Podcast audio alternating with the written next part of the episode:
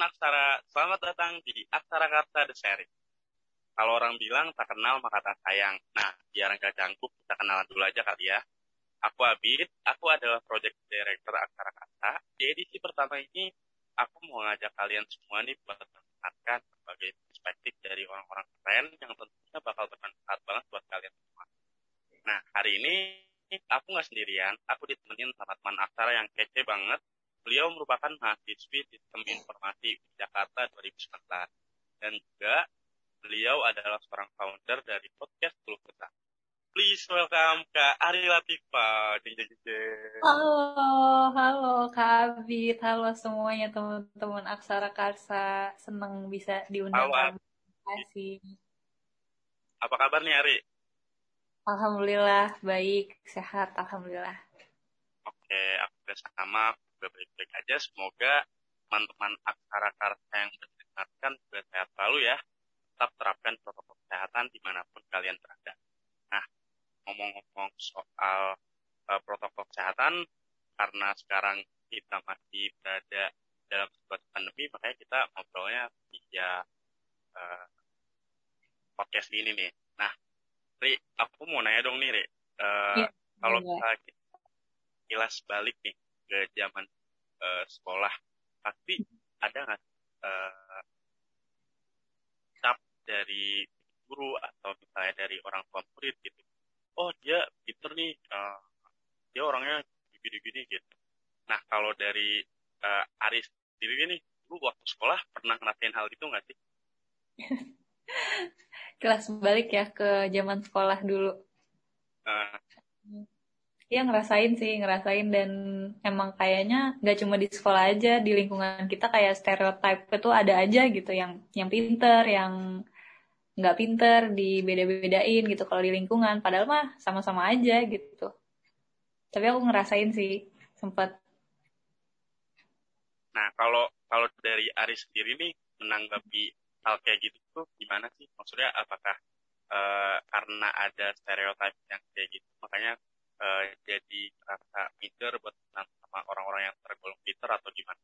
Hmm, iya sih. Jadi kalau menurut aku ya uh, sebenarnya setiap orang itu udah punya porsinya, kapasitasnya masing-masing di keahlian, kecerdasan, kepintaran yang dia punya gitu dan sayangnya uh, nggak semua orang bisa memahami itu. Jadi kayak ngelihatnya kalau yang dia pintar di kelas kalau dia yang pintar di sekolah ya itulah orang pintar gitu. Padahal belum tentu. Bisa aja orang-orang ada yang dia jagonya misalnya di musik atau jagonya di uh, bidang lain gitu kan yang itu enggak kelihatan dan gak disebut pintar dan yang dianggap pintar tuh yang pintar di kelas aja gitu. Dan itu sangat disayangkan sih kalau misalnya masyarakat kebanyakan masih berpikiran kayak gitu. Harusnya uh, semuanya udah punya kecerdasan masing-masing lah setiap orang. Kalau aku ngeliat sih kayak gitu. Iya sih benar banget. Aku juga pendapat sama Adi karena kalau misalnya kita ikan buat manjat kan juga nggak akan bisa ya. Uh, pasti tiap orang punya spesialisasinya masing-masing gitu. Nah uh, kalau menurut kamu nih uh, biasanya antara orang-orang pinter sama orang yang biasa aja gitu waktu di sekolahnya gitu ada kesenjangan yang terjadi itu nggak sih? Apakah uh, anak-anak cerdas ini cenderung pilih dalam bersosialisasi dia pengennya sampai pintar doang atau uh, anak-anak yang biasa aja justru uh, karena dia merasa apa ya uh, jadi minoritas bukan minoritas maksudnya jadi cenderung insecure gitu. Oh iya. Ya kalau di lingkungan aku ya, di lingkungan tempat aku sekolah dulu, aku dulu sekolah di negeri, ya macem-macem sih orang-orangnya gitu. Kayak uh, kalau misalnya dalam berteman, terus kayak insecure atau minder itu kayaknya balik lagi ke masing-masing sih. Cuma yang aku lihat uh, ada yang milih untuk supaya temenan sama orang pinter ah biar nanti kalau misalnya uh, dibagi jawaban dikasih ada yang kayak gitu, ada yang emang tulus temenannya, ada yang ah enggak ah kayaknya gue nggak bisa deh main sama dia ketinggian. Padahal ya kalau dari perspektif aku sendiri buat nyari temen tuh ya siapa aja sudah bisa gitu. Nggak perlu aduh dia kayaknya ketinggian di obrolannya karena pinter. Terus misalnya ah kayaknya nggak bisa nih temenan sama dia dia biasa aja. Nggak nyampe nih level pengetahuannya nggak nggak gitu juga gitu kan. Pasti kita punya sesuatu yang bisa kita share ke teman kita gitu. Jadi uh, kalau di kesenjangan yang terjadi di lingkungan aku uh, yang aku lihat ada ada beberapa orang yang insecure buat ih kayaknya dia jago banget deh gue kayaknya bisa temenan sama dia. Ada yang kayak gitu ada juga yang yang cuek aja temenan temenan aja yang sama siapa aja juga ada. Kayak gitu sih kalau yang terjadi di lingkungan aku. Kalau Ari sendiri ini uh, cenderung yang kayak gimana? Kalau pada Ari ini juara kelas gak sih? Juara kelas gak sih? Ya ampun itu zaman SD sih kayaknya zaman SD zaman SMP uh, eh, SMA ya masih kelas kelas satu kayaknya. Terus ya udah biasa aja gitu cuma pernah pernah juara. Terus ya kalau buat berteman kalau aku sendiri ini sih nggak nggak pilih-pilih dan terbuka sama siapa aja. Kayak kalau dia mau berteman sama aku ya aku open terus kalau misalnya aku juga seneng sama dia ya aku berteman sama dia ngerasa sefrekuensi nyambung dan lain-lain nggak ngelihat dia pinter atau enggak kayak oh ternyata dia nyambung sama apa yang lagi aku pikirin atau aku rasain kayak gitu sih lebih ke situ. Iya benar-benar karena hmm. uh, kita juga banyak tahu ya jadi obrolannya tuh jadi lebih variatif gitu ya dibanding. Iya benar. Nah, pelajaran pelajaran doang kan pusing juga gitu ya. Nah ngomong-ngomong soal iya. juara kelas nih, Ari kan dulu pernah uh, juara SMP SMA gitu kan. Nah uh, ada nggak sih tips buat teman-teman aksara semua nih gaya belajar yang menurut Ari efisien tuh kayak yang kayak gimana? Gaya belajar yang paling efisien ya ampun. Aku tuh menurut aku ya gaya belajar yang paling efisien itu adalah yang paling cocok sama diri teman-teman gitu, sama diri kalian, sama diri masing-masing. Karena belum tentu apa yang aku lakuin atau orang lain lakuin cocok di aku, aku lakuin cocok di teman-teman gitu, belum tentu kayak gitu. Jadi kayak lebih banyak explore tentang diri sendiri. Kalau misalnya nyamannya adalah dengan membaca buku, terus dengan menonton video mungkin atau dengerin podcast misalnya gitu kan.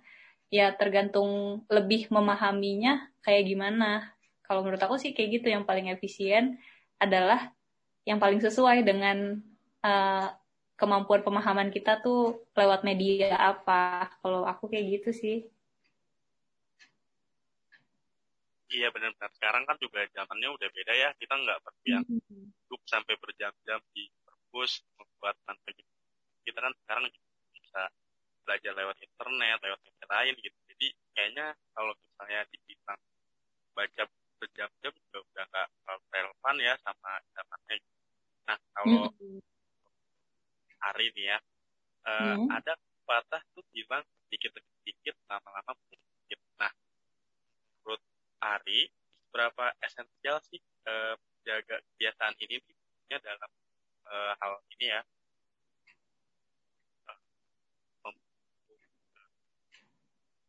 Entah itu pelajaran atau informasi. Hmm, itu sangat sangat apa ya seperti filsafat hidup sih. Dulu baik banget ya. Iya sedikit-sedikit lama-lama menjadi bukit. Itu bener banget kayak kebiasaan kecil uh, kalau aku mungkin dari kecilnya udah diarahin buat kayak kalau kamu mau tahu sesuatu kamu cari pasti ada jawabannya. Kayak udah diarahin kayak gitu. Terus kayak diarahin juga buat uh, apa pun yang ada di soal ujian yang di soal apa pun itu pasti ada dari materi. Jadi nggak usah pusing-pusing apa ini jawabannya? Cari aja pasti ada. Udah kayak gitu. Jadi uh, kalau misalnya punya satu pertanyaan aja udah dicari gitu. Dan itu menurut aku uh, kebiasaan yang mungkin nggak semua orang ngelakuin itu. Kalau misalnya tanya ada pertanyaan ya mungkin ya udah dianggap pergi nah kalau aku aku cari jawabannya di internet ditanya temen atau segala macem dan itu malah jadi aku membuat aku jadi ih makin banyak tahu makin banyak tahu makin banyak tahu dan makin ngerasa nggak tahu apa-apa karena makin banyak pertanyaan ternyata kayak gitu sih uh, kalau tadi kan karena emang uh, dari kecil kan udah dibiasain nih buat uh, cari sesuatu gitu kan. Kalau misalnya mm -hmm. ternyata lingkungan uh, teman atau lingkungan keluarga tidak edukatif itu gitu. Nah, gimana caranya menumbuhkan kebiasaan-kebiasaan baik yang tadi hari bilang kalau saya ternyata lagi kayak gitu. Oke, okay, um, kalau menurut aku semuanya balik lagi ke kesadaran masing-masing juga sih. Jadi level kesadaran orang uh, kadang beda-beda. Ada yang udah nyampe level sadar, oh ya ini penting, oh ya ini nggak penting dan itu semua kan uh, seiring berjalannya proses dia belajar gitu. Nah, menurut aku uh, yang paling utama itu dari pribadinya adalah ya tumbuhin dulu kesadaran itu kalau misalnya perbuatan atau kebiasaan itu adalah baik gitu dan dia percaya kalau itu baik untuk kehidupan dia ke depannya. Kalau misalnya dia udah ngerasa uh, sadar gitu kan, sebenarnya uh, motivasi terbe terbesar itu juga dari diri sendiri sih, dari dalam diri sendiri kayak keluarga suportif atau lingkungan suportif itu kayak faktor tambahan. Nah, kalau misalnya dari dari dalam diri sendirinya udah kuat, udah tahu apa yang dibutuhkan, apa yang dicari gitu. Ya eh, lingkungan itu cuma cuma tempat aja karena berlian akan tetap jadi berlian di mana pun dia berada gitu kan mau lingkungan suportif enggak gitu jadi dari dalam uh, dari dalam diri sendirinya juga kalau udah punya kemauan yang kuat aja, pasti dia bakal ketemu jalannya gitu. Kalau aku sih kayak gitu mikirnya. Uh, sama sih, uh, aku juga kadang kayak gitu tuh. Cuma berada pada level kesadaran tadi Ari bilang tuh menurut aku buat jaga komitmennya itu yang susah kadang kita kan Bener, pengennya berbahan pengennya nonton film segala macam gitu kan nah kalau dari Ari sendiri nih ngejaga oh. komitmen itu tuh gimana gitu cara biar kegiatannya itu tuh terus berlanjut secara kontinu gitu. Kalau aku sih ya, aku mm, menjaga komitmen aku itu karena aku mikirnya gini, pas lagi aku lahir aku nggak tahu apa-apa, jadi aku uh, untuk bisa menghadapi permasalahan atau sesuatu yang ada di dunia ini ya, maksudnya aku lahir nggak tahu apa-apa, tiba-tiba ada di dunia ini dunia ini kayak apa aku juga nggak tahu apa-apa. Dan karena nggak tahu apa-apa itu makanya aku harus belajar. Nah ketika aku belajar aku semakin nggak tahu apa-apa. Semakin aku nggak tahu apa-apa semakin aku harus mencari tahu supaya aku bisa memper, menyelesaikan masalah-masalah hidup atau menghadapi cobaan-cobaan hidup itu gitu. Karena menurut aku belajar itu adalah ketika kita dikasih uh, ujian gitu kan. Kalau di sekolah kan ada ujian kalau di kehidupan juga ada cobaan ujian dan lain-lain. Ya ketika kita uh, menghadapi itu itu kita lagi mengimplementasikan pelajaran-pelajaran uh, proses-proses belajar yang udah kita laluin gitu. Jadi buat uh, menjaga komitmennya itu sendiri adalah uh, supaya bisa menghadapi hidup ini dengan sadar dengan uh, mawas diri gitu dengan bantuan dari pengetahuan, teori, terus juga praktek, terus juga pemahaman konsep tentang hidup ini. Kalau tempat kehidupan ini adalah tempat belajar gitu, dan kita adalah pembelajar uh, di dunia ini gitu. Jadi kita kita salah, kita keliru, kita gagal, kita nggak tahu apa-apa ya, kita bingung, itu berarti titiknya kita untuk belajar. Jadi kalau misalnya ngerasa gagal, ngerasa bingung, ngerasa takut, ya belajar deh jawabannya gitu. Atau kayak, aduh gue nggak bisa apa-apa, gue uh, ngeliat orang pada bisain. Nah itu itu berarti titik untuk uh, titik menyadarkan untuk aku belajar gitu. Ya pokoknya kayak gitu sih ngelihatnya. Nangkep nggak? nangkep, nangkep, nangkep. Aduh, muter-muter ya. gak apa-apa, gak apa-apa. Tapi aku masih penasaran banget nih. Kamu kan, Bu, uh, pernah juara gitulah di kelas. Nah, menurut kamu, kebiasaan-kebiasaan apa sih yang benar-benar berpengaruh banget ke diri kamu nih, sampai akhirnya kamu bisa jadi juara kelas? Apa ya? Uh, bukan kebiasaan sih, tapi lebih ke sebenarnya aku dulu tuh orangnya insecure dan insecure itu sebelum masuk sekolah malah. Sebelum masuk sekolah aku uh, sebelum masuk sekolah insecure parah gitu yang nggak percaya diri banget sama diri sendiri. Tapi pas masuk sekolah ketemu banyak orang dan aku ngeliat orang tuh beda-beda dan uh, ada nih pelajaran gitu kan kayak misalnya nulis sambung lah, mewarnai, menari dan lain-lain.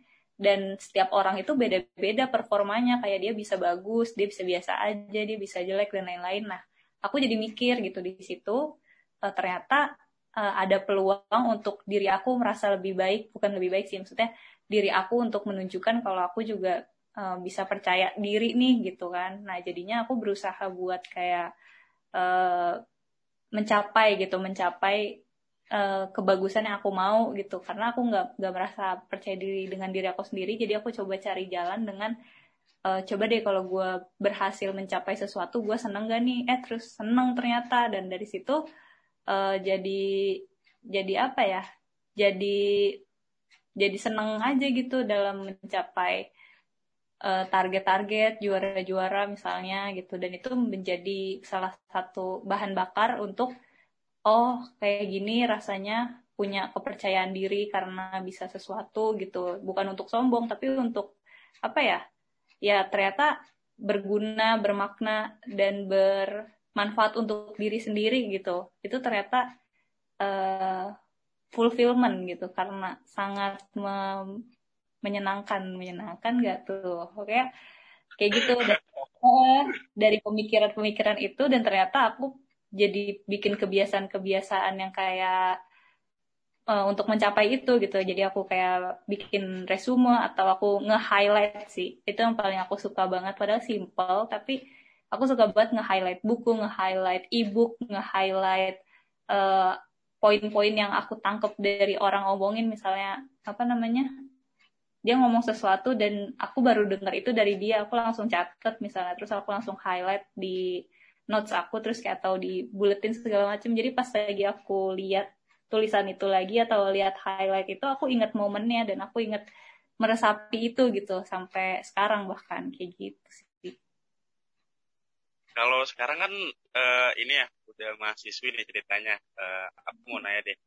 Kan yang yang namanya kita uh, naik tingkat gitu ya ya otomatis bebannya juga naik dong. Nah kalau dari akhir ini kalau misalnya kesulitan ngadepi ujian-ujian gitu entah bahannya yang banyak atau saya beda bahasa segala macam itu cara ngatasinnya gimana?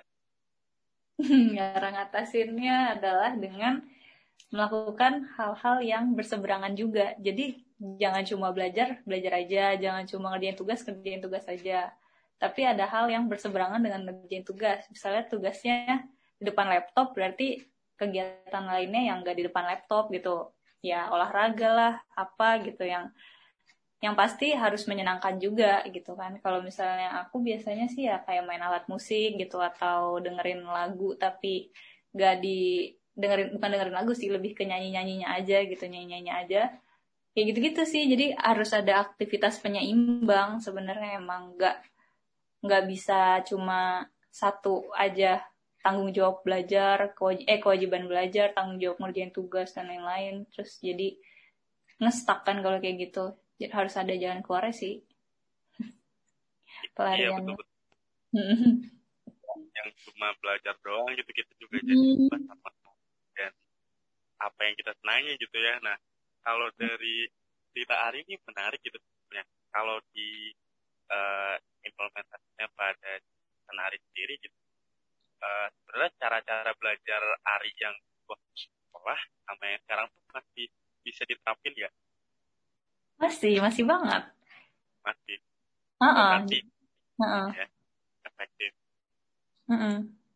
Kayak yang tadi aku bilang, jadi emang dari dulu SD, ternyata dari dulu SD, dari dulu SMP, aku tuh orangnya yang baca materi dulu nih misalnya mau ujian uh, eh, IPA aku pasti baca dulu materinya terus kayak nge-highlightin poin-poinnya terus uh, kalau rajin uh, lagi rajin aku tulis ulang tapi kalau lagi enggak ya udah aku highlightin aja yang menurut aku penting. Terus uh, nanti aku kadang ngebaca LKS-nya atau baca bukunya tapi pakai bahasa aku sendiri gitu. Oh jadi dari highlight itu uh, pakai bahasa aku sendiri. Dan itu kepake banget sampai kuliah karena kan kita disuruh parafrase atau bikin apa-apa pakai kalimat sendiri gitu kan. Dan itu uh, kepakainya ke situ sih. Jadi ngambil poinnya terus uh, di review ulang pakai bah pakai pemahaman sendiri kayak gimana kayak gitu. Dan menurut aku itu efektif kayak gitu.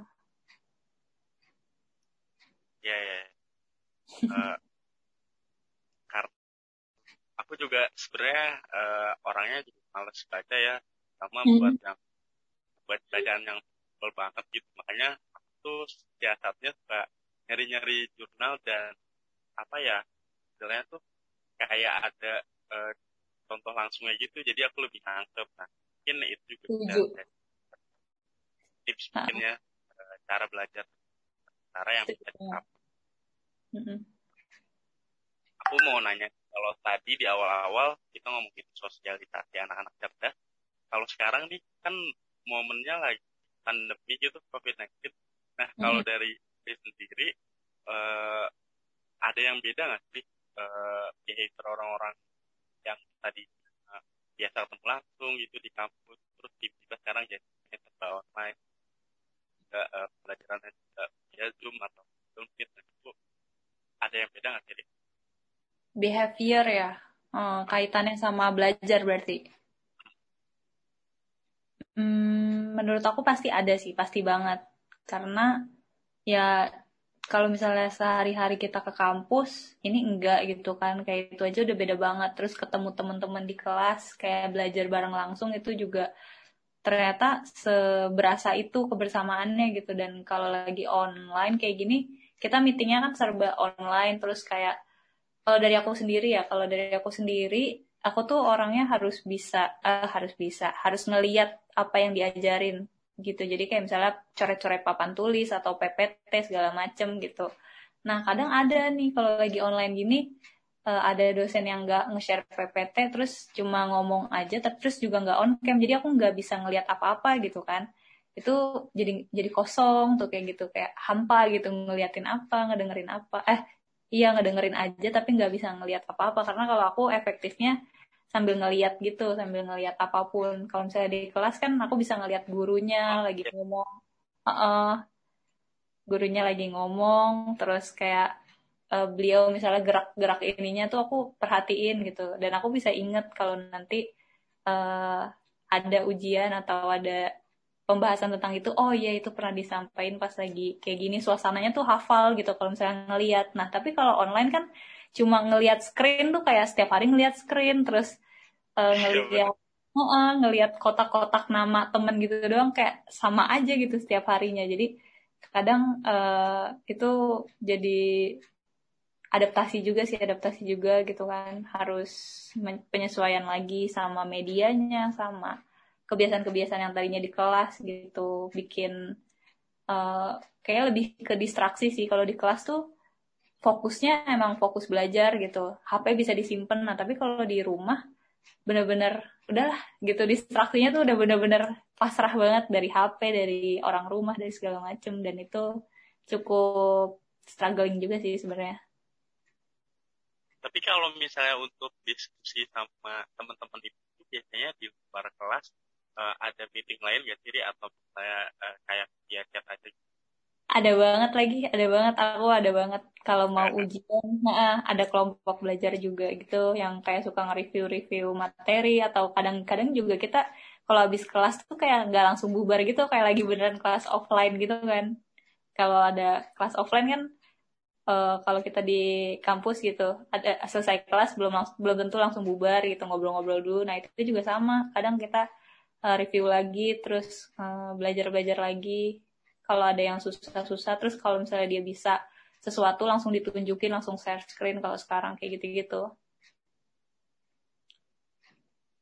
Kalau tadi kita ngomongin uh, juara di SMA kalau di kuliah sendiri kan eh, nggak uh, bisa kelihatan ya maksudnya nggak ada ya. ranking atau bahkan di backup pun kan sifatnya personal tiap ini yang bisa lihat. Nah sebenarnya ya. kamu uh, apa ya mas uh, masih menerap menerapkan apa ya kayak kamu bisa lihat ya sih uh, di kuliah tuh oh ini orangnya pinter nih ya kayak gitu-gitu tuh oh. atau dia biasa aja padahal kalau kalau aku sendiri aku ngerasanya orang yang diem aja di kelas tuh bukan berarti dia nggak tahu apa-apa bahkan ketika pas ngobrol tuh banyak banget ternyata tahunya gitu yeah, yeah, yeah. nah, yeah.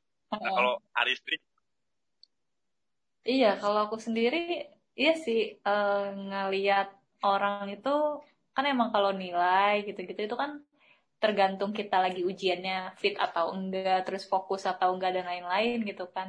Tapi kalau dia memahami konsep pemahaman itu uh, bisa dilihat pas lagi dia cara dia bertanya, cara dia ngasih jawaban, diskusi dan argumen dia datang dari mana, aku lebih ngeliat ke situ sih. Jadi kayak oh iya. Dia datang berdasarkan data gitu argumen-argumennya. Dan pertanyaan yang ditanyakan juga bukan yang sekedar nanya tapi dia benar-benar emang udah mengkritisi itu gitu. Jadi kayak oh iya nih dia kelihatan nih kayak gini-gini ya. Aku IPK-nya atau nilai dia berapa nggak nggak nggak memikirkan itu gitu. Kayak ya udah ini berarti aku anggapnya dia punya wawasan yang luas atau dia uh, setidaknya dia udah memahami sesuatu gitu kayak gitu sih kalau misalnya di kuliahan lebih ke situ iya berarti IPK sendiri kan gak bisa dijadiin tolak hmm, ukur iya. tentang itu pinter atau enggak ya balik lagi iya. sama cara dia ya hmm. cara dia memikirkan sesuatu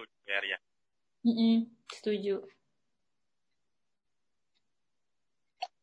uh, Ari aku mau nanya nih kamu hmm. belakangan ini lagi baca buku apa Aku lagi baca buku tentang self help.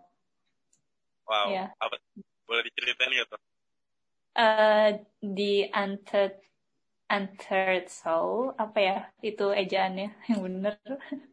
Untethered Soul, jiwa yang tidak terikat lah intinya.